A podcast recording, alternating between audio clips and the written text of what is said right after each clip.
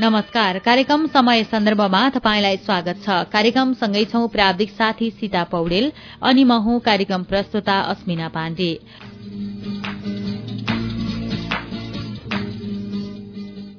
कार्यक्रम समय सन्दर्भ तपाईँले महिला समानताका लागि संचार अभियानद्वारा संचालित महिलाहरूको सामूहिक आवाज सामुदायिक रेडियो मुक्ति पञ्चानब्बे थुप्लो पाँचको ध्वनि तरंगबाट हरेक दिन बिहान साढे सात बजेदेखि आठ बजेसम्म सुन्दै आइरहनु भएको छ। तपाईँले हामीलाई रेडियो मुक्तिको website radio Mukti dot O R G र मोबाइल एप्लिकेशनको हाम्रो पात्रोमा रेडियो मुक्ति बुटुवल सर्च गरेर पनि संसारभरिकै साथ सुन्न सक्नुहुन्छ सुन्दै आइरहनु भएको छ। कार्यक्रम समय सन्दर्भमा हामीले समसामयिक विषयवस्तुमा केन्द्रित रहेर छलफल बहस र जानकारी दिँदै आइरहेका छौं। अहिले हामी तपाईंसँग लैंगिक हिंसा विरूद्धको सोह्र दिने अभियानमा केन्द्रित रहेर विभिन्न विचारहरू तपाईँहरूको माझमा समावेश गर्दै आइरहेका छौं भने यही विषयलाई मुख्य प्राथमिकताका साथमा तपाईँहरूको माझमा विभिन्न कार्यक्रमहरू उत्पादन र प्रसारण गर्दै आइरहेका छौं। घरैबाट शुरू गरौं महिला हिंसा अन्त्य गरौं भन्ने मूल नाराका साथ देशैभरि लैंगिक हिंसा विरूद्धको सोह्र दिने अभियान मंगिर नौ गतिदेखि मनाउन थालिएको छ। प्रत्येक वर्ष नोभेम्बर पच्चीसदेखि डिसेम्बर दससम्म मनाइने यो अभियानको बीचमा विभिन्न दिवसहरू पनि पर्ने गर्दछन्। आजको बसाईमा हामीले विभिन्न संघ संस्थाको नेतृत्व गरिरहनुभएका प्रतिनिधिहरूलाई लैंगिक हिंसा न्यूनीकरण गर्नको लागि अब के गर्नुपर्छ र यहाँहरूले कस्ता कस्ता कामहरू गर्दै आइरहनु भएको छ र यसमा सरोकारवाला स्थानीय सरकार समाज र घर परिवारको कस्तो कस्तो खालको भूमिका रहन्छ होला भनेर प्रश्न गरेका छौं। आज हामीसँग दलित महिला संघ फेडोका संयोजक साबी विक सीआरसीडी नेपालका अध्यक्ष सीआरसीडी नेपालका अध्यक्ष डीबी खाती रूपान्देही इन्सेक प्रतिनिधि रिमा बिसी त्यस्तै गरी तेस्रोलिङ्गी महिला आनिक राणा र अपाङ्गता अधिकार कर्मी सावित्रा घिमिरेसँग हामीले कुराकानी गरेका छौं। आउनुहोस् कार्यक्रममा उहाँहरूसँग गरिएको संक्षिप्त कुराकानी अबको क्रममा तपाईँहरूको माझमा म प्रस्तुत गर्दैछु।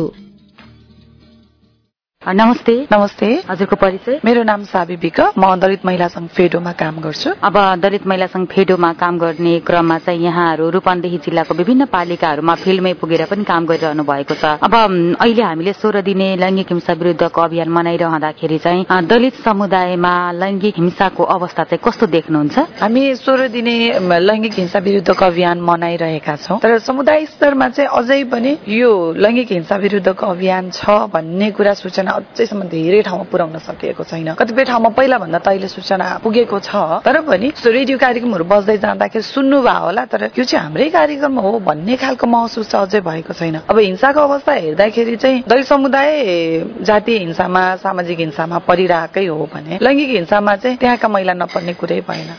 दलित महिलाहरू तेह्रो हिंसामा परेका छन् भनेर हामी सधैँ बोलिरहने कुरा हो। त्यो कारणले गर्दा जस्तो लैङ्गिक हिंसा चाहिँ गर्न हुँदैन। यो मैले सहनु हुँदैन। नगरिदियो हुन्थ्यो भन्ने त लाग्छ तर मैले सहनु हुँदैन भन्ने चाहिँ समुदाय स्तरमा अझै पुगेको छैन। त्यस्तै त भइहाल्छ नि गरिहाल्छन् नि चलिहाल्छ। आफ्नै घरका मान्छे हुन् धेरै जसो चाहिँ आफ्नै घरका मान्छे त हुन् नि लैङ्गिक हिंसा गर्ने त बाहिरका आएर गर्दैनन्। प्राय जसो चाहिँ त्यो चाहिँ त्यो कन्सेप्ट चाहिँ हामीले छलफल गर्दा चाहिँ त्यो भेटाइरहेका हुन्छौँ कि त्यो त भइहाल्छ नि। यसलाई कहाँ ठुलो इस्यु बनाउन सकिन्छ? इस्यु हो भन्ने खालको चाहिँ अझै त्यो मानसिकता डेभलप नभएको चाहिँ हामी पाउँछौँ। अब यहाँहरूले काम गर्ने क्रममा चाहिँ त्यहाँको जुन महिलाहरू हुनुहुन्छ उहाँहरूको आवाज चाहिँ के हुन्छ? हिंसाको विषयमा हुन्छ वा सशक्तिकरणको विचारमा हुन्छ वा स्थानीय सरकारले चाहिँ यसमा रोल नखेलेको हुन्छ के देख्नुहुन्छ यहाँहरूले काम गर्ने क्रममा? यस्तो जस्तो हामी महिला हिंसाका लैङ्गिक हिंसाका कुराहरू गर्छौँ भने स्थानीय तहले गरेन भन्ने भन्दा पनि कहाँनिर गर्यो भन्ने कुरा हो कि? सो नगरेको हामी भन्न सक्दैनौँ। गरिरहेको छ तर त्यहाँसम्म चाहिँ अलि पुगेन जहाँसम्म अझै पनि सूचनै पुगेको छैन। त्यो चाहिँ इस्यु हो क्या अहिलेको। हामीले महसुस गर्दाखेरि किनभने हामी समुदाय स्तरमा काम गरिरहेका छौँ त्यहाँका केहीहरूलाई जस्तो हामी अहिले यही परियोजनामा रहेर आमाहरूसँग विशेषतः काम गर्दाखेरि चाहिँ तिन वर्षमा हामीले केही केही कुरा चाहिँ सुनाउन सफल भएको छौँ। बुझाउन कतिको भयौँ? सुनाउन चाहिँ सफल भएको छ। उहाँहरूलाई अन्त यस्तो त हुन्छ नि भन्ने भएको छ नि त्यो त्यहाँसम्म पुग्नलाई रोल खेल्ने एउटा संयन्त्र चाहिँ चाहिएको छ कि? स्थानीय तहले नगरेको चाहिँ नभनिहालौँ। सो महिला बजेट हुन्छ भनेर आजकलको महिलाहरूलाई धेरै थाहा छ। तर त्यो बजेट हाम्रो लागि पनि हो। हामीले आफै गरेर निकाल्न सक्छौँ भन्ने चाहिँ थाहा छैन कि? आउँछ महिलाको कति बजेट आउँछ ठुल्ठुला नेताहरूले खाइदिन्छन् उहाँलाई। त्यो खालको छ। अनि त्यो हामीसम्म ल्याउनको लागि चाहिँ हामी नै त्यहाँ पुग्न पर्छ। हामीले माग्यो भने दिन्छ।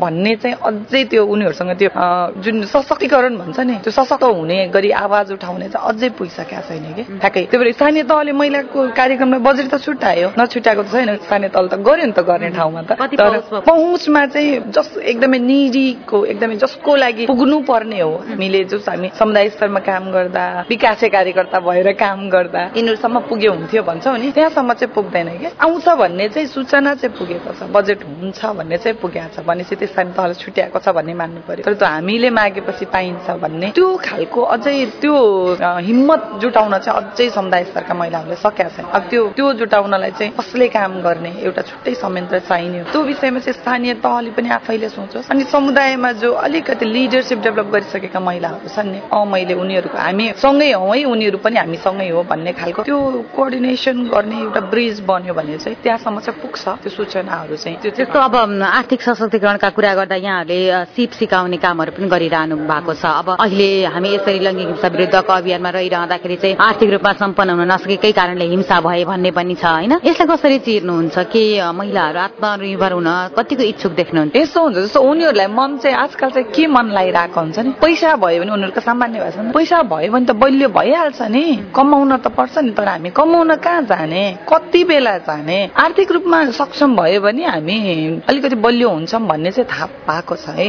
जस्तो हामीले गरिरहेको कार्यक्रममा हामी लगभग अहिले चाहिँ तिनवटा जिल्ला कभर गर्न कोसिस गरिरहेको छ। रूपन्देहीमा मात्रै हाम्रो आठवटा समूह छ महिला समूहहरू कञ्चन गाउँपालिकाको एउटा भित्री मधेसमा छ सिक्टहन जुन देवदह नगरपालिकाको सिक्टहनमा छ। त्यो हिसाबले हेर्दा उनीहरूसँग कुरा गर्दा यहीँ बुटोलुक महानगरपालिका तिलोत्तमा नगरपालिकामै पनि उनीहरूले जस्तो के कमाउने जस्तो यहाँ बुटोलुक महानगरपालिकामा हेऱ्यो भने दैनिक ज्याला मजदुरीमा जानेहरू छन् नि त। त्यो चाहिँ पैसा आफ्नो हो भनेर सिप सिक्नु भन्दा त्यो दैनिक ज्याला मजदुरीमा गएपछि पैसा आफूसँग हुन्छ।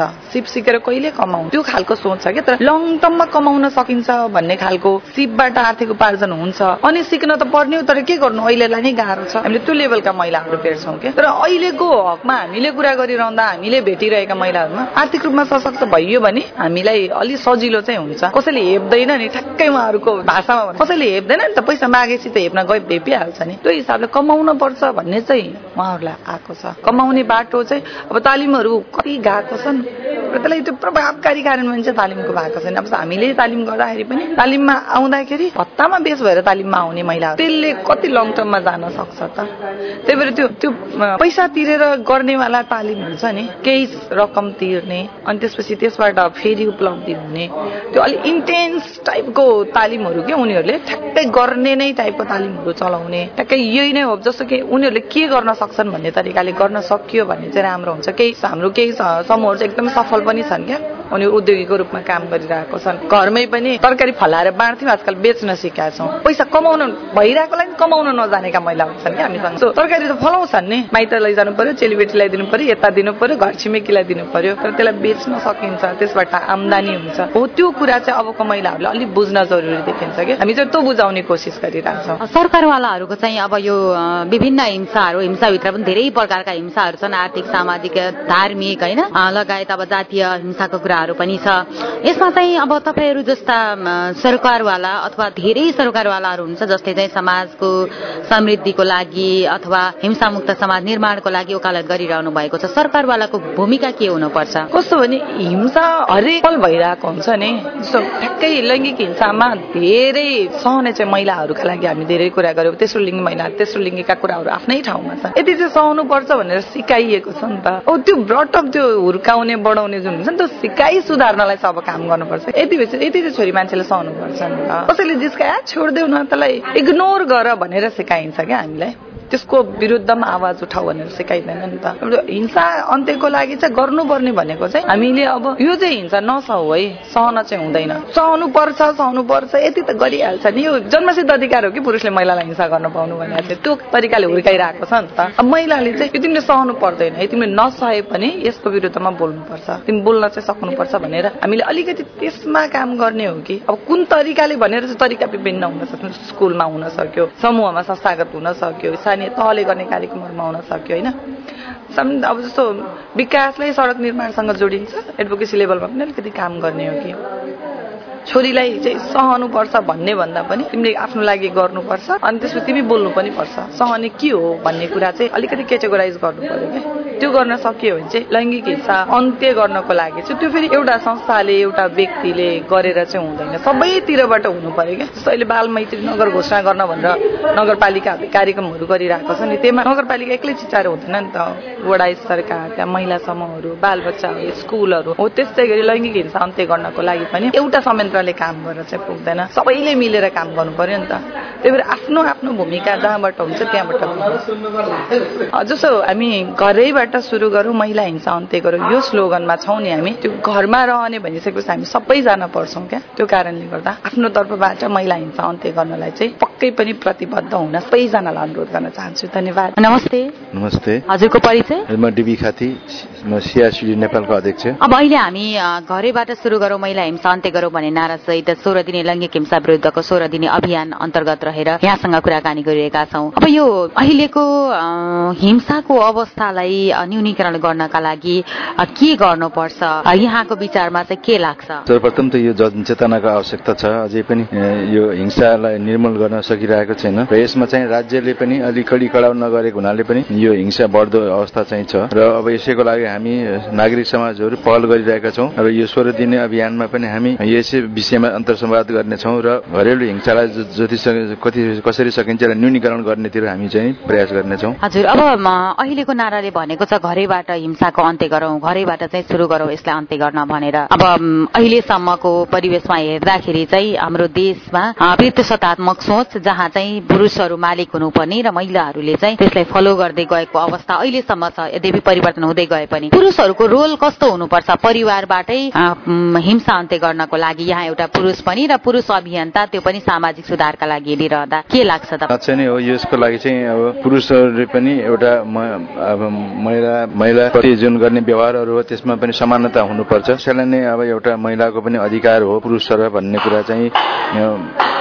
यो पुरुषले पनि यो कुरा थाहा पाइराख्नुपर्छ। र म पनि त्यसको लागि प्रयास गरिरहेको छु। मेरो घर परिवारदेखि नै यो सुरुवात गरिरहेको छु। जसमा कि हामीले गर्ने आफ्नो छोरा र छोरी गर्ने जुन विभेद छ त्यो विभेदपूर्ण कुराहरूलाई हामीले चाहिँ छोड्दै जानुपर्छ। र महिला र हाम्रो छोरीहरू पनि हामी सरै नै बराबर तिनीहरू पनि नागरिक हो र उनीहरूलाई पनि उनीहरूको इच्छाहरू उनीहरूको अधिकारहरूलाई चाहिँ मा जिउन पाउने उनको अधिकार छ त्यसलाई हरण गर्न हुन्न भन्ने चाहिँ मेरो भनाइ छ। अब छोरीहरूको कुरा यहाँले पनि गरिसक्नु भएको छ। अब आत्मनिर्भर गराउनको लागि चाहिँ महिलाहरूलाई आत्मनिर्भर गराउने कुराहरू छ हिंसाका कुराहरू अन्त्य गर्ने कुरा छ र सरकारवालाहरूको कुरा छ। अब यहाँ एउटा सरकारवाला भएको हिसाबले चाहिँ सरकारवालाहरूको यो समाजमा कस्तो खालको भूमिका हुनुपर्छ यिनी सम्पूर्ण विभेदहरू हटाउनको लागि? विशेष गरेर अब हाम्रो कानूनमा यसलाई अलिक कडी कडा गर्नुपर्ने स्थिति छ। जुन अहिलेसम्म हुन सकिरहेको छैन पटक पटक यो प्रयास गरिरहेको छ र अहिले चाहिँ विशेष गरेर बालिकाहरू पनि यसबाट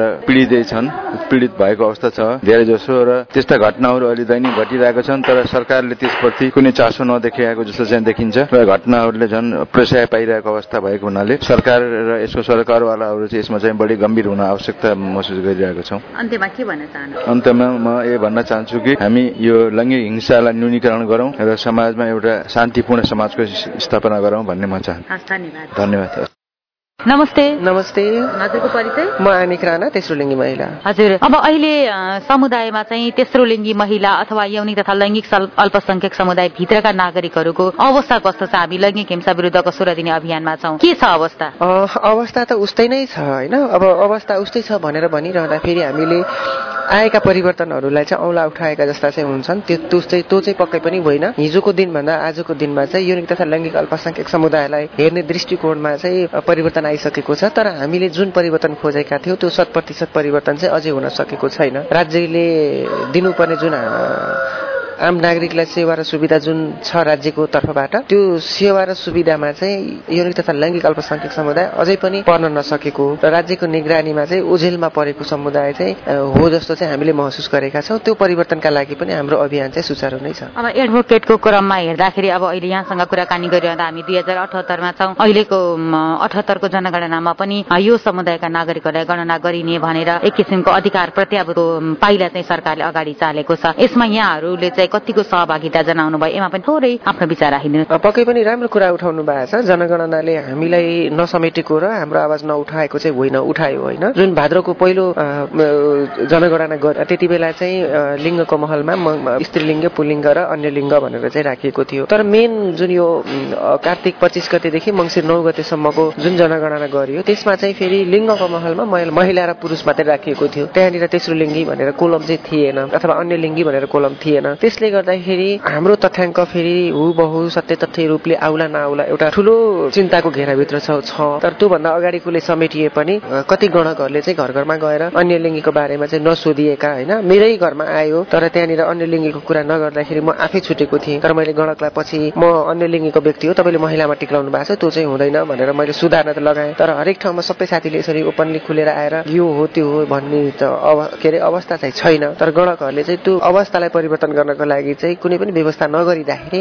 हामी फेरि दस वर्ष पछि पर्छौँ कि भन्ने चाहिँ एउटा गुनासो पनि छ। अब अहिले लैङ्गिक हिंसाको कुरा गरिरहँदाखेरि चाहिँ विशेष गरेर यहाँले यही समुदायका नागरिकहरूको अधिकारको क्षेत्रमा लामो समयदेखि लड्दै आइरहनु भएको छ। कसरी सम्बोधन गर्नु पर्दछ विभिन्न सरकारवालाहरूले र राज्यले पनि यो समुदायका नागरिकहरूलाई हिंसा मुक्त समाजमा बाँच्नका लागि चाहिँ कस्तो रोल खेल्न पर्छ होला? यो समाजले मात्रै होइन। अब यो समाज मात्रै दोषी चाहिँ छैन यसमा। यसका लागि चाहिँ स्थानीय सरकार प्रदेश सरकार र संघीय सरकार तिनै तहका सरकारले चाहिँ हरेक किसिमका जात धर्म वर्ण लिङ्ग होइन वर्ग जो पनि पछि पारिएका समुदायहरू छन् यी समुदायको उत्थान र प्रवर्धनका लागि चाहिँ एउटा नीति निर्माण चाहिँ गर्नुपर्छ। र नीति बनाउनु ठुलो कुरा होइन कि त्यो नीतिलाई कार्यान्वयनमा ल्याउनु चाहिँ ठुलो कुरा हो। तसर्थ हरेक किसिमका वर्गहरू यौनिक तथा लैङ्गिक अल्पसंख्यक समुदाय मात्रै होइन।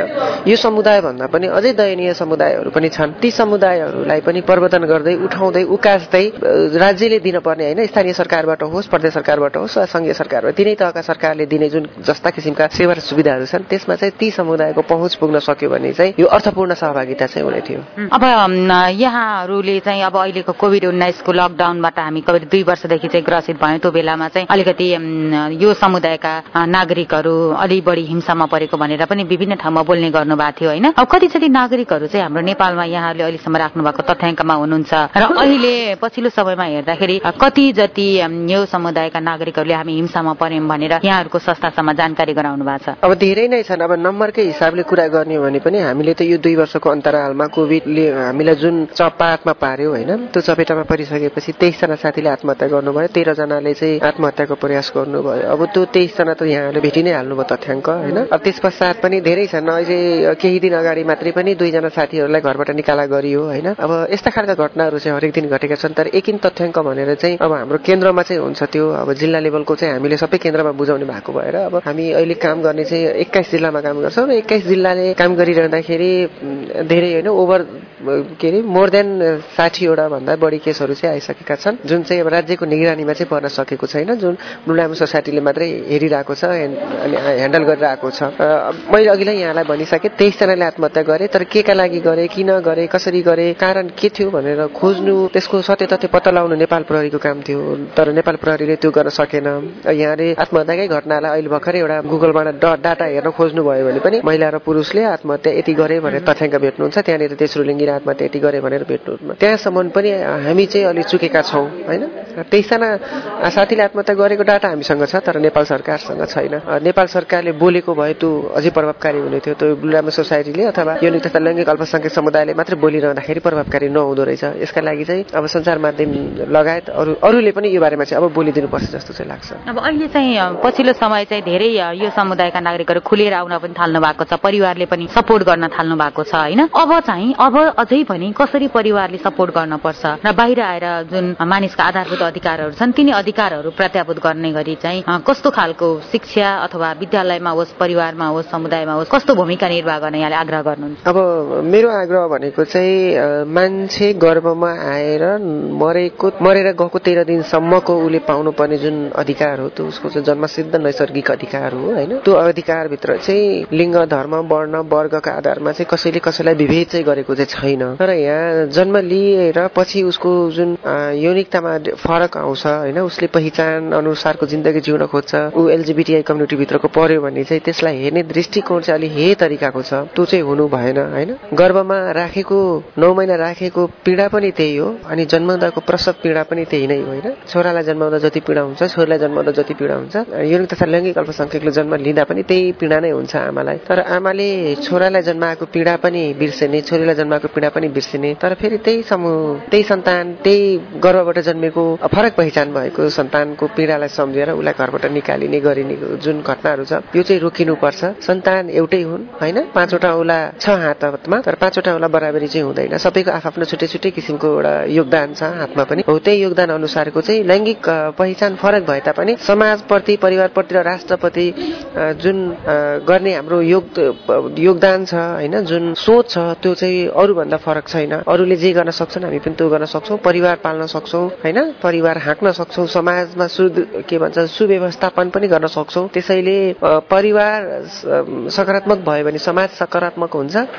समाज सकारात्मक भयो भने चाहिँ राष्ट्र सकारात्मक हुन्छ। त्यसैले चाहिँ पहिलो प्राथमिकता परिवारबाट स्टार्ट गरौँ। र समाज सुधारिन्छ समाज सुधारियो भने चाहिँ राष्ट्र सुधारिन्छ। जुन अहिलेको सोह्र दिने अभियानको जुन यो स्लोगन छ होइन घरबाटै सुरु गरौँ महिला हिंसाको अन्त्य गरौँ। मैले पनि यही भन्न चाहेँ अहिले यो अभियानको अन्तरालमा घरबाटै सुरु गरौँ। यौनिक तथा लैङ्गिक अल्पसङ्ख्यक समुदायलाई चाहिँ सम्मानित जीवन जिउनको लागि चाहिँ परिवार समाज र राष्ट्रले चाहिँ एउटा मूल के भन्छ नारा चाहिँ अपनाऊ। धन्यवाद। नमस्कार। हजुरको परिचय? म रिमा बिसी अनौपचारिक क्षेत्र सेवा केन्द्र इन्सेक रूपन्देही बेसमा काम गर्छु। हजुर। अब अहिले हामी सोह्र दिने लैङ्गिक हिंसा विरुद्धको अभियानमा छौँ। यो अभियानको सन्दर्भमा रहेर यहाँले इन्सेक प्रतिनिधि भएर यो क्षेत्रमा काम गरिरहँदा चाहिँ महिला हिंसा अथवा लैङ्गिक हिंसाको अवस्थालाई कसरी हेर्नु भएको छ? कस्तो छ अहिले यहाँको अवस्था चाहिँ? अब एकदमै महत्वपूर्ण प्रश्न गर्नुभयो। अहिले लैङ्गिक हिंसाको कुरा गर्ने हो भने मलाई सोध्नुहुन्छ भने हिंसा हिजो पनि थियो आज पनि छ र यो हिंसा सजिलै न्यूनीकरण हुन्छ भन्ने लाग्दैन कि? र अहिले हिजोको दिनमा हुने हिंसा र अहिलेको दिनमा हिँड्ने हिंसाका प्रकृतिहरू स्वरूपहरू फरक फरक छन्। त्यसले गर्दाखेरि मैले के भन्छु भने हिंसाको सन्दर्भमा हिंसा घर घरमा छ। प्रत्येक घर घरमा हिंसा छ। कसैले अनुभूति गरेका छन् कसैले अनुभूति गर्न पाएका छैनन्। उनीहरूले अहिले पनि म हिंसामा परे भन्न सक्ने स्थिति पनि छैन। त्यसैले हिंसा घर घरमा छ काहीँ पुरै छ काहीँ कम छ। त्यसले गर्दाखेरि हिंसाको अवस्था एकदमै फरक स्वरूपमा एकदमै दर्दनाक र डर लाग्दो छ। अब अहिले यसरी घरैबाट सुरु गरौँ महिला हिंसा अन्त्य गरौँ भन्ने स्लोगनले पनि बोलेको छ। घरायसी हिंसाको कुरा गर्दाखेरि चाहिँ विशेष गरी बालिका महिला अथवा पुरुष कुन समूहको नागरिकहरू बढी हिंसामा परेको पाउनु भएको छ? यहाँको दैनिक अथवा ती तिन महिनामा पनि एउटा रिपोर्टहरू यहाँले पेश गर्ने गर्नुहुन्छ। त्यसको तथ्याङ्कले के देखाउँछ? अब यो चाहिँ एकदमै महत्वपूर्ण प्रश्न गर्नुभयो यहाँले फेरि पनि। अहिले हिंसाको अवस्था हेर्ने हो भने कुन समुदायमा कुन वर्गमा भन्ने भन्दा पनि यो सबै वर्गमा देखिन्छ। र सबैभन्दा बढी पीड़ित हुने भनेको महिला बालिकाहरू बढी पीड़ित र प्रभावित छन्। र पछिल्लो समयमा लैङ्गिक तथा यौनिक अल्पसंख्यक समुदायहरूमा पनि विभिन्न किसिमका विभेदका कुराहरू अपाङ्गता भएका व्यक्तिहरूमा पनि विभिन्न किसिमका हिंसाका कुराहरू आएका सुनिन्छन्। र त्यसमा पनि अझ बढी बलात्कारका घटनाहरू यहाँले अघि भन्नुभयो अहिलेको यो वर्षको नारा पनि घरैबाट शुरूआत गरौं र जुन महिला हिंसाको अन्त्य गरौं भन्ने जुन नाराले पनि भनिसकेका छ। र सबैभन्दा गाह्रो चाहिँ अघि पनि मैले शुरूमा भने हिंसा घर घरमा छ। त्यसले गर्दाखेरि घरमा छोरीहरू सुरक्षित छैनन्। बाउबाट पनि छोरी सुरक्षित छैनन् दाजुबाट सुरक्षित छैनन् मामाबाट सुरक्षित छैनन्। यस्ता घटनाहरू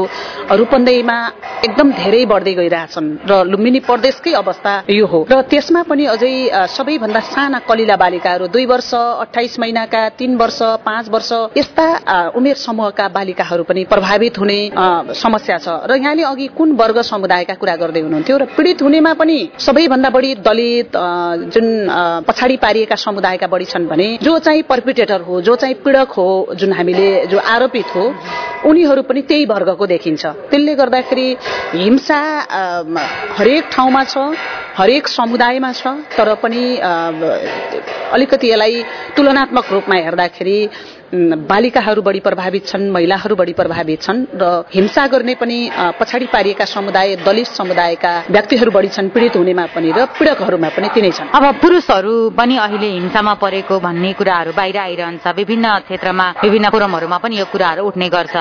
यहाँहरूको प्रहरीसँगको कोर्डिनेसनमा पनि पुलिस पुरुषहरू चाहिँ हिंसामा परेको भन्ने तथ्याङ्कहरू अभिलेख भएको अवस्था छ कि छैन अहिले? अब यस्तो छ यो यहाँले हिंसाले असाध्यै महत्वपूर्ण लुकेको पाटो भन्छु म। यो पितृसत्ताभित्रको पुरुष हिंसा भन्न मैले रुचाउँछु किनभने पितृसत्ता भनेको खालि पुरुष हो पुरुषवादी हो भन्यौं तर महिलामा पनि पितृसत्ता छ पुरुषवाद छ भन्ने कुरा हामीले कता कता छोड्यौं। र पछिल्लो समयमा विभिन्न नाउँमा होइन पुरुषहरू पनि हिंसामा परियो म पनि बिचल्ली परे मेरो घरबार विहीन भयो मेरो श्रीमती पनि छैन मेरो बच्चा पनि छैन भन्ने घटनाहरू नआएका होइनन्। प्रहरीमा पनि यस्ता घटनाहरू आउँछन् तुलनात्मक रूपमा फेरि पनि मैले दोहोऱ्याउँछु। महिला र बालिकाको तुलनामा यस्ता घटना कम छन्। तर फेरि सधैँ छैनन् पुरुष के पीड़ित भएकै होइनन् त भन्ने होइन। इन्सेककै कुरा गर्नुभयो भने पनि वर्षमा पन्ध्र बिसवटा जुन सवालहरू मुद्दाहरू उहाँहरूले उजुरेकै रूपमा दिनुहुन्छ हामीलाई पनि न्याय दिनुहोस् न हाम्रो मानव अधिकारको पनि विषयमा बोलिदिनुहोस् न भन्ने कुराहरू आउँछ। त्यसले गर्दाखेरि पछिल्लो समयमा अलिकति आफ्नो जिम्मेवारीका कुराहरू आफ्नो अधिकार प्रयोग गर्दाखेरि अधिकारलाई दुरूपयोग गरेका कुराहरू पछिल्लो समयमा आएका छन् र तिनीहरूलाई अब सम्बोधन गर्न सकिएन भने यसको स्वरूप अझै डरलाग्दो हुनेवाला छ। त्यसैले यी विषयहरूमा अझ बढी बहस गर्नुपर्छ भन्ने लाग्छ। अब अन्त्यमा चाहिँ विभिन्न क्षेत्रबाट रहेर अधिकारको क्षेत्रमा ओकालत गर्ने सरकारवालाहरूको चाहिँ अहिलेको यो अभियानसँग जोडिएर मात्र नभएर वर्षका तीन सय पैसठी दिन नै कस्तो खालको भूमिका हुनुपर्छ? अब वास्तवमा हामी सोह्र दिने अभियानमा मात्र होइन हाम्रा अभियान तीन सय पैँसाठी दिनै हामी खटिरहेका छौँ। हामी हिजो पनि अभियानमा थियौँ आज पनि छौँ र भोलि पनि हाम्रो अभियान जारी छ जारी रहनेछ र हाम्रो रोक्दैन। त्यसैले सबैभन्दा पहिला चाहिँ सरकारवालाहरूले जुन हाम्रो हिंसा जुन लैङ्गिक हिंसा विरुद्धको सोह्र दिने अभियानको नारा छ घरैबाट शुरूआत गरौं महिला हिंसाको अन्त्य गरौं सबैभन्दा पहिला त घरलाई राम्रो बनाउन सकियो भने परिवार राम्रो बन्छ परिवार राम्रो भयो भने समाज राम्रो बन्ने हो। समाज राम्रो बन्यो भने बल्ल हाम्रो स्थानीय तह राम्रो बन्ने हो। र हामीले जति पनि हाम्रा सरकारका जुन कुराहरू छन् जस्तो समृद्ध नेपाल सुखी नेपाली अथवा समृद्ध नगर समृद्ध नगरवासी भन्ने जुन नाराहरू छन् यिनीहरूलाई सार्थक बनाउनको लागि सबै सरकारवालाहरूले सबैका घर छन् सबैका परिवार छन्। घर परिवारमा एक आपसमा सद्भावका कुराहरू दुईटा कुराहरू गरे यस्ता खालका हिंसा हुन्नन् भन्ने मेरो विचारमा लाग्छ। र त्यो भनेको के हो भने एउटा चाहिँ केयरिङको कुरा परिवारका सदस्य बिरामी होला के होला होइन? उनीहरूलाई समस्या पर्ला त्यस्तो अवस्थामा चाहिँ उनीहरूलाई केयर गर्ने सपोर्ट गर्ने उपचार गर्ने कुराहरू हुन सक्छ। एउटा भने अर्को भनेको के हो भने सेयरिङको कुरा। आफू कहाँ जाँदैछु के गर्छु आफू कुन कामका लागि कहाँ जाँदैछु भन्ने कुरा चाहे त्यो महिला होस् चाहे पुरुष होस् एक आपसमा सेयरिङ गर्न सक्यो भने परिवारमा हिंसा हुँदैन। त्यसले गर्दाखेरि म तपाईँ अनि तपाईँ हामी सबैले यो विषयमा सचेत भइयो भने मात्रै हिंसा न्यूनीकरण हुन सक्छ र सरकारवालाहरूको जिम्मेवारी पनि त्यही हो। हामीले आफैले शुरूआत गरौं सबैभन्दा पहिला आफूले शुरूआत गरौं परिवारलाई शुरूआत गरौं र अनि मात्रै बाहिर जाउँ त्यति गरियो भने हिंसा रोक्न सकिन्छ र सरकारवालाहरूको जिम्मेवारी पनि मेरो विचारमा त्यही हो भन्ने लाग्छ। धन्यवाद धन्यवाद समयको लागि यहाँलाई पनि। नमस्ते। नमस्ते।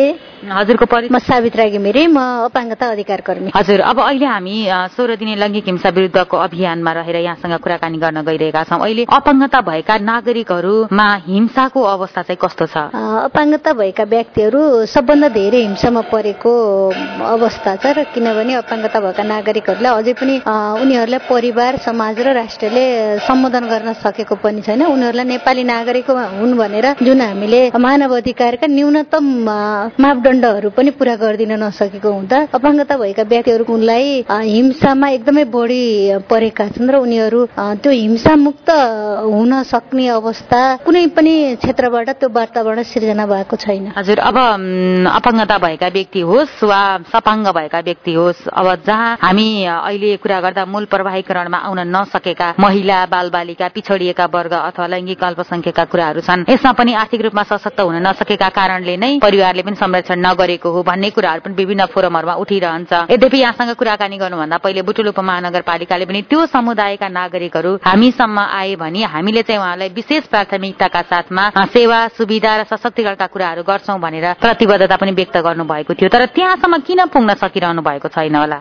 एकदमै सान्दर्भिक प्रश्न र राज्यले कागजी रूपमा सबै कुराहरूलाई सम्बोधन गरिदिएको हुन्छ तर व्यावहारिक रूपमा कहीँबाट पनि न स्थानीय त न प्रदेश सरकार न न संघीय सरकार त्यो कुराहरूको कार्यान्वयन भएको हुँदैन। अपाङ्गता भित्र विविधता छ। विविधता भएको हुनाले अपाङ्गता भएका व्यक्तिहरूलाई समेट्नु एकदमै अहिले को विषयमा उहाँहरूले चुनौती हो भन्ने कुरा लिनुहुन्छ। किनभने उहाँहरूले अपाङ्गताको विविधताको बारेमा सबै कुराको जानकार पनि हुनुहुन्न उहाँहरू। अपाङ्गताभित्र दस प्रकारको अपाङ्गता छ। दस प्रकारको अपाङ्गता भएका व्यक्तिहरूलाई फरक फरक किसिमको आवश्यकता छ। दस प्रकारको अपाङ्गता भएका भित्र भएका व्यक्तिहरूभित्र फरक फरक किसिमले उनीहरूसँग सञ्चार गर्नुपर्छ फरक किसिमको उनीहरूसँग ज्ञान सिप हुन्छ फरक किसिमले उनीहरूलाई डोराउनु पर्छ भन्ने कुराहरूको उहाँहरूसँग अझै चेतनाको विकास भएको छैन। त्यो कारणले गर्दा नै जुन मूल प्रवाहीकरणमा अपाङ्गता भएका व्यक्तिहरू सधैँ पछाडि परेका छन् र पारिएको छ पर्नुभन्दा पनि पारिएको छ। त्यहाँ महिलाभित्र अपाङ्गता भएको व्यक्ति छ नगरपालिकाले विभिन्न महिला लक्षित कार्यक्रमहरू गर्छ त्यसमा अपाङ्गता भएका व्यक्तिको अधिकार सुनिश्चित गरिदियो। यतिजना अपाङ्गता भएका महिलाहरू अनिवार्य रूपमा तालिममा सहभागी गराउनु पर्छ भनेर प्रत्येक ओडाबाट प्रत्येक टोलबाट सहभागिता गराइदियो भने त्यहाँ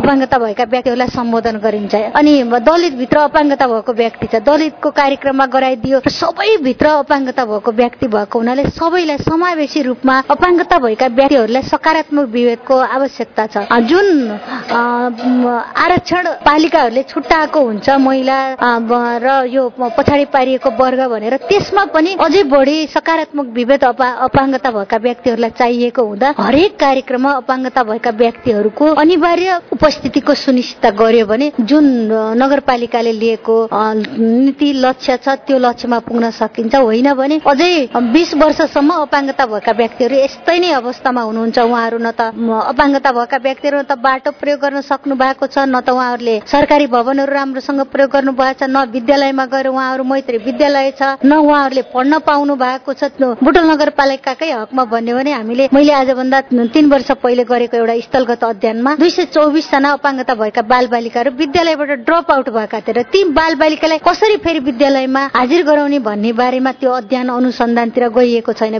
शिक्षाको जुन मेन कुरा भनेको शिक्षा हो विद्यालयसम्म पुग्ने बाल बालिकाहरू पनि त्यहाँ हुने हिंसाको कारणले उनीहरू ड्रप आउट हुन परेको छ भनेपछि त्यो कुरालाई हामीले कहिले कुन वर्ष सम्बोधन गर्ने कसरी जाने भन्ने कुराको योजना नगरपालिकाले बनाउनु पर्छ जस्तो मलाई लाग्छ। अब यसमा जुन वर्ग समुदायको अधिकार कर्मी हो त्यही समुदायको अधिकार कर्मीले चाहिँ बढी आवाज उठाइदिन पर्ने घचघचाइदिइरहन पर्ने अवस्था छ एक किसिमले हेर्दाखेरि। अब अहिले पनि हामी यहाँले अपाङ्गताको क्षेत्रमा लामो समयदेखि उकालत गर्दै आउनु भएको छ विभिन्न ठाउँहरूमा उनीहरूको अधिकार प्रत्याभूतको लागि काम गरिरहनु भएको छ। अब तपाईँलाई साथ दिने अन्य सरकारवालाहरूको भूमिका चाहिँ के हुन सक्छ? र यसमा परिवार र समाजको रोल चाहिँ कस्तो हुन पर्छ? जुन जसको सवाल उसको आवाज भन्ने नीति लिएर गएको छ त्यसले कहिले पनि त्यो जसको सवाल उसको आवाजमा त्यो कुराहरूको सम्बोधन हुँदो रहन्छ। जस्तो अपाङ्गता भएका व्यक्तिहरू आफ्नो अधिकारको लागि गइयो भने अपाङ्गता भएका व्यक्ति मात्रै उहाँले एकैछिन एकदमै राम्रोसँग सुनिदिनुहुन्छ। उहाँहरूले एकदम यति राम्रोसँग सुनिदिनुहुन्छ कि उहाँले अपाङ्गता भएका व्यक्तिहरूलाई अहिले नै केही गर्न सक्नुहुन्छ कि भन् जस्तो अनुभूति दिनुहुन्छ। हामीले विभिन्न सरकारी निकायदेखि लिएर गैर सरकारी संस्थाहरूमा पनि जाँदाखेरि विभिन्न फोरमहरूमा हामीले आवाज उठाउँदा त्यो एउटा उहाँहरूलाई दयाको रूपमा हेरेर ए हामीले त गर्नुपर्ने रहेछ भन्ने अनुभूति गर्नुहुन्छ। तर उहाँको घरमा उहाँले वरिपरि देख्ने ठाउँमा समाजमा अपाङ्गता भएका व्यक्तिहरूसँग त्यति घुलमेल हुनुहुन्न। त्यो कारणले गर्दा बाहिर निस्कने बित्तिकै उहाँहरूले त्यो कुरालाई बिर्सनुहुन्छ। जब हामी त्यहाँदेखि बाहिर निस्किन्छ त्यो कुराहरू हामी जहाँ बोल्यो त्यही नै समाप्त भएर जान्छ। त्यसकारण अब हामीले लिएको लक्ष्यमा अपाङ्गता भएका व्यक्तिहरू अथवा जो पछाडि पारिएको वर्गका व्यक्तिहरूको आवाज उनीहरूले मात्रै नभएर सबैले उठाउनु पर्यो सबै सरकारवालाले बोल्नु पर्यो। जस्तो दलितको कुरा दलितले मात्रै नभएर अरूले पनि उनीहरूको उत्पीडनको कुराहरूलाई अरूले पनि आवाज उठाइदिनु पर्यो अपाङ्गताको कुरा अरूले उठाइदिनु पर्यो अल्पसङ्ख्यक कुरा अरूले उठाइदिनु पर्यो तब मात्र सबैको विकास हुने भएको हुनाले जुन अधिकार सरकारी निकाय गैर सरकारी निकाय रेडियो रेडियो टेलिभिजनदेखि लिएर अनि विभिन्न पत्र पत्रिकाहरूले पनि अपाङ्गता भएका व्यक्तिहरूलाई अगाडि बढाउनको लागि जस्तो विकसित मुलुकमा हेऱ्यो भने अपाङ्गता भएका व्यक्तिहरूको हरूलाई कसैले पनि कसैको पनि सपोर्टको आवश्यकता पर्दैन। उनीहरूलाई यसरी हामीले हामीलाई अधिकार ल्याऊ हामीलाई अधिकार ल्याऊ हामी हिँड्ने बाटोहरूका ब्रेकरहरू हटाइदियो हामीलाई हिँड्ने बाटाहरू बनाइदियो सबै हिँड्ने बाटाहरूमा हाम्रा लागि पनि सहजता पूर्वक बनाइदियो सबै हिँड्ने पढ्ने विद्यालयमा हामीलाई पनि पढ्न पठा भनेर त्यहाँ वकालत गर्नुपर्ने आवश्यकता छैन। किनभने त्यहाँ जुन अन्तर्राष्ट्रिय महासन्धिलाई हस्ताक्षर गरेको छ ती महासन्धि कार्यान्वयन गर्ने एउटा मेकानिजम छ। र त्यो मेकानिजमबाट उनीहरूले त्यो कार्यान्वयनको पाटोमा लागेको छ। त्यो कार्यान्वयनको पाटोले गर्दा अपाङ्गता भएका व्यक्ति अथवा पछाडि पारिएका वर्गहरूका सम्बोधनहरू सहज रूपमा सल्भ भएको छ। त्यो कारणले गर्दा अब जुन पालिका तहदेखि नै नीति नियम कानूनहरू बनाइन्छ ती कानूनहरू बनाउँदा हामीले कुन कुन नीति नियम कानून देशमा लागू भएका छन् ती नीति नियम कानूनहरूलाई पालना गर्न हामीले कस्तो किसिमको संयन्त्र बनाउनु पर्छ त्यसको अनुगमन गर्ने मूल्याङ्कन गर्ने होइन पुराना संरचनाहरूलाई पुनः बनाइदिने हिंसा भएका हिंसा हुने ठाउँहरूलाई हेरेर त्यहाँ जनचेतनामूलक कार्यक्रमहरू गरिदिने विद्यालयमा जान पाएको छैन भने एउटा विद्यालय नगरपालिकाभित्र एउटा विद्यालय नमुनाकै रूपमा अपाङ्गता मैत्री अथवा सबै समावेशी शिक्षा लागू हुने हुने गरी विद्यालय निर्माण गरिदियो भने त त्यसमा छुट्टै लगानीको आवश्यकता पर्दैन। त्यहाँ त्यो भयो भने त सब नगरपालिका भरिका बाल बालिकाहरू शिक्षाको उज्यालोबाट वञ्चित हुन पर्ने थिएन नि त। अनि हामीसँग विभिन्न स्वास्थ्य उपचारकै कुरा गर्ने अपाङ्गता भएका व्यक्तिहरूलाई स्वास्थ्य उपचार गरेको एकदमै असहज वातावरण छ। हस्पिटलहरू जाँदाखेरि अपाङ्गता मैत्री छैन त्यहाँ प्रयोग गरिने शौचालयहरूमा व्हिल चेयर छिर्दैन बाटोहरूमा टक्टाइलको व्यवस्था गरिदिएको छ अगाडि गएर एउटा पोल खडा गरिदिएको छ एउटा दृष्टिबिन साथी व्हाइट क्यान लिएर हिँड्नुहुन्छ हिँड्दै जाँदाखेरि उहाँले मेरो बाटो भनेर हिँड्नुहुन्छ बाटोमा गएर पोलमा ठोकेर उहाँ अर्को दुर्घटना भएर अर्को अपाङ्गता थपिएको हुन्छ। अनि त्यसकारण जहाँ जुनसुकै विकासको कुराहरू पनि नगरपालिकाले अवलम्बन गरेको हुन्छ ती विकासका कुराहरूमा त्यहाँ अपाङ्गता भएका व्यक्तिहरू पनि ले पनि प्रयोग गर्नुपर्छ। जुनसुकै कुराहरू हामीले रोजगारीको कुरामा अपाङ्गता भएका व्यक्तिहरूलाई समावेश गर्नुपर्छ होइन शिक्षाको कुरामा अपाङ्गता भएका व्यक्तिहरूलाई लैजानुपर्छ स्वास्थ्यमा अपाङ्गता भएका व्यक्तिहरूको पहुँच हुनुपर्छ। हामीले सबै कुरा तालिमहरू दिँदा अपाङ्गता भएका व्यक्तिहरूको सहभागिता हुनुपर्छ भन्ने कुरालाई नगरपालिकाले जोड दियो भने मात्रै जुन हिंसाको हामी सोह्र दिने हिंसा जो महिला विरुद्ध हुने सोह्र दिने अभियान मनाइरहेका छौँ र विभिन्न किसिमका कार्यक्रमहरू गरिरहेका छौँ। त्यस्ता हिंसा हुनबाट हामीले रोक्न सकिन्छ र अपाङ्गता भएका व्यक्ति पनि म यो देशको नागरिक रहेछु मलाई एउटा बोरो जस्तै गरेर भोट दिन लिएर गएको थिएँ तर जियोस् मैले दिएको भोट आज काम लाग्यो भन्ने अनुभूति उनीहरूलाई हुन्छ जस्तो मलाई लाग्छ। धेरै धेरै धन्यवाद समय र संवादका लागि। धेरै धेरै धन्यवाद र जुन यो सोह्र दिने अभियानमा रेडियो मुक्ति मार्फत तपाईँहरूले अपाङ्गता भएका व्यक्तिहरूको जुन अहिलेको अवस्था छ त्यो अवस्थालाई प्रस्ट्याइदिने जुन वातावरण सिर्जना गरिदिनु भयो त्यसको लागि कार्यक्रम प्रस्तुता अस्मिनाजीलाई धेरै धेरै धन्यवाद। आजको कार्यक्रममा छलफल गरिएका विभिन्न व्यक्तित्वहरूले पनि घरैबाट महिला हिंसा अन्त्य गर्ने र महिला हिंसा न्यूनीकरण गर्ने अभियानमा अगाडि बढ्नुपर्ने विचार व्यक्त गर्नु भएको छ। यो वर्षको नाराले बोले जस्तै तपाईँ हामी पनि अब हिंसा सहेर होइन हिंसालाई प्रतिकार गर्न सक्ने बानीको विकास गरौं। छोरा छोरी बाल बालिका किशोर किशोरी महिला पुरूष जो कोही पनि आफ्नो मानव जीवनमा पर्ने हिंसालाई सहेर बस्यो भने हिंसाले अझै घातक रूप लिन सक्दछ। त्यसैले यसको अन्त्यका लागि समृद्ध समाज निर्माणका लागि र समृद्ध र आर्थिक सशक्तिकरणमा अगाडि बढ्नका लागि हिंसामुक्त समाज निर्माणको विकल्प छैन।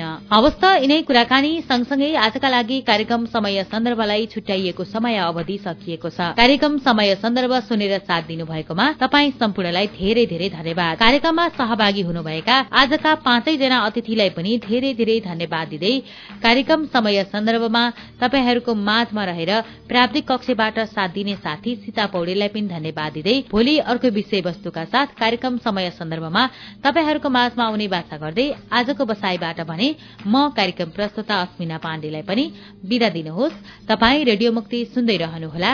नमस्ते। शुभ दिन।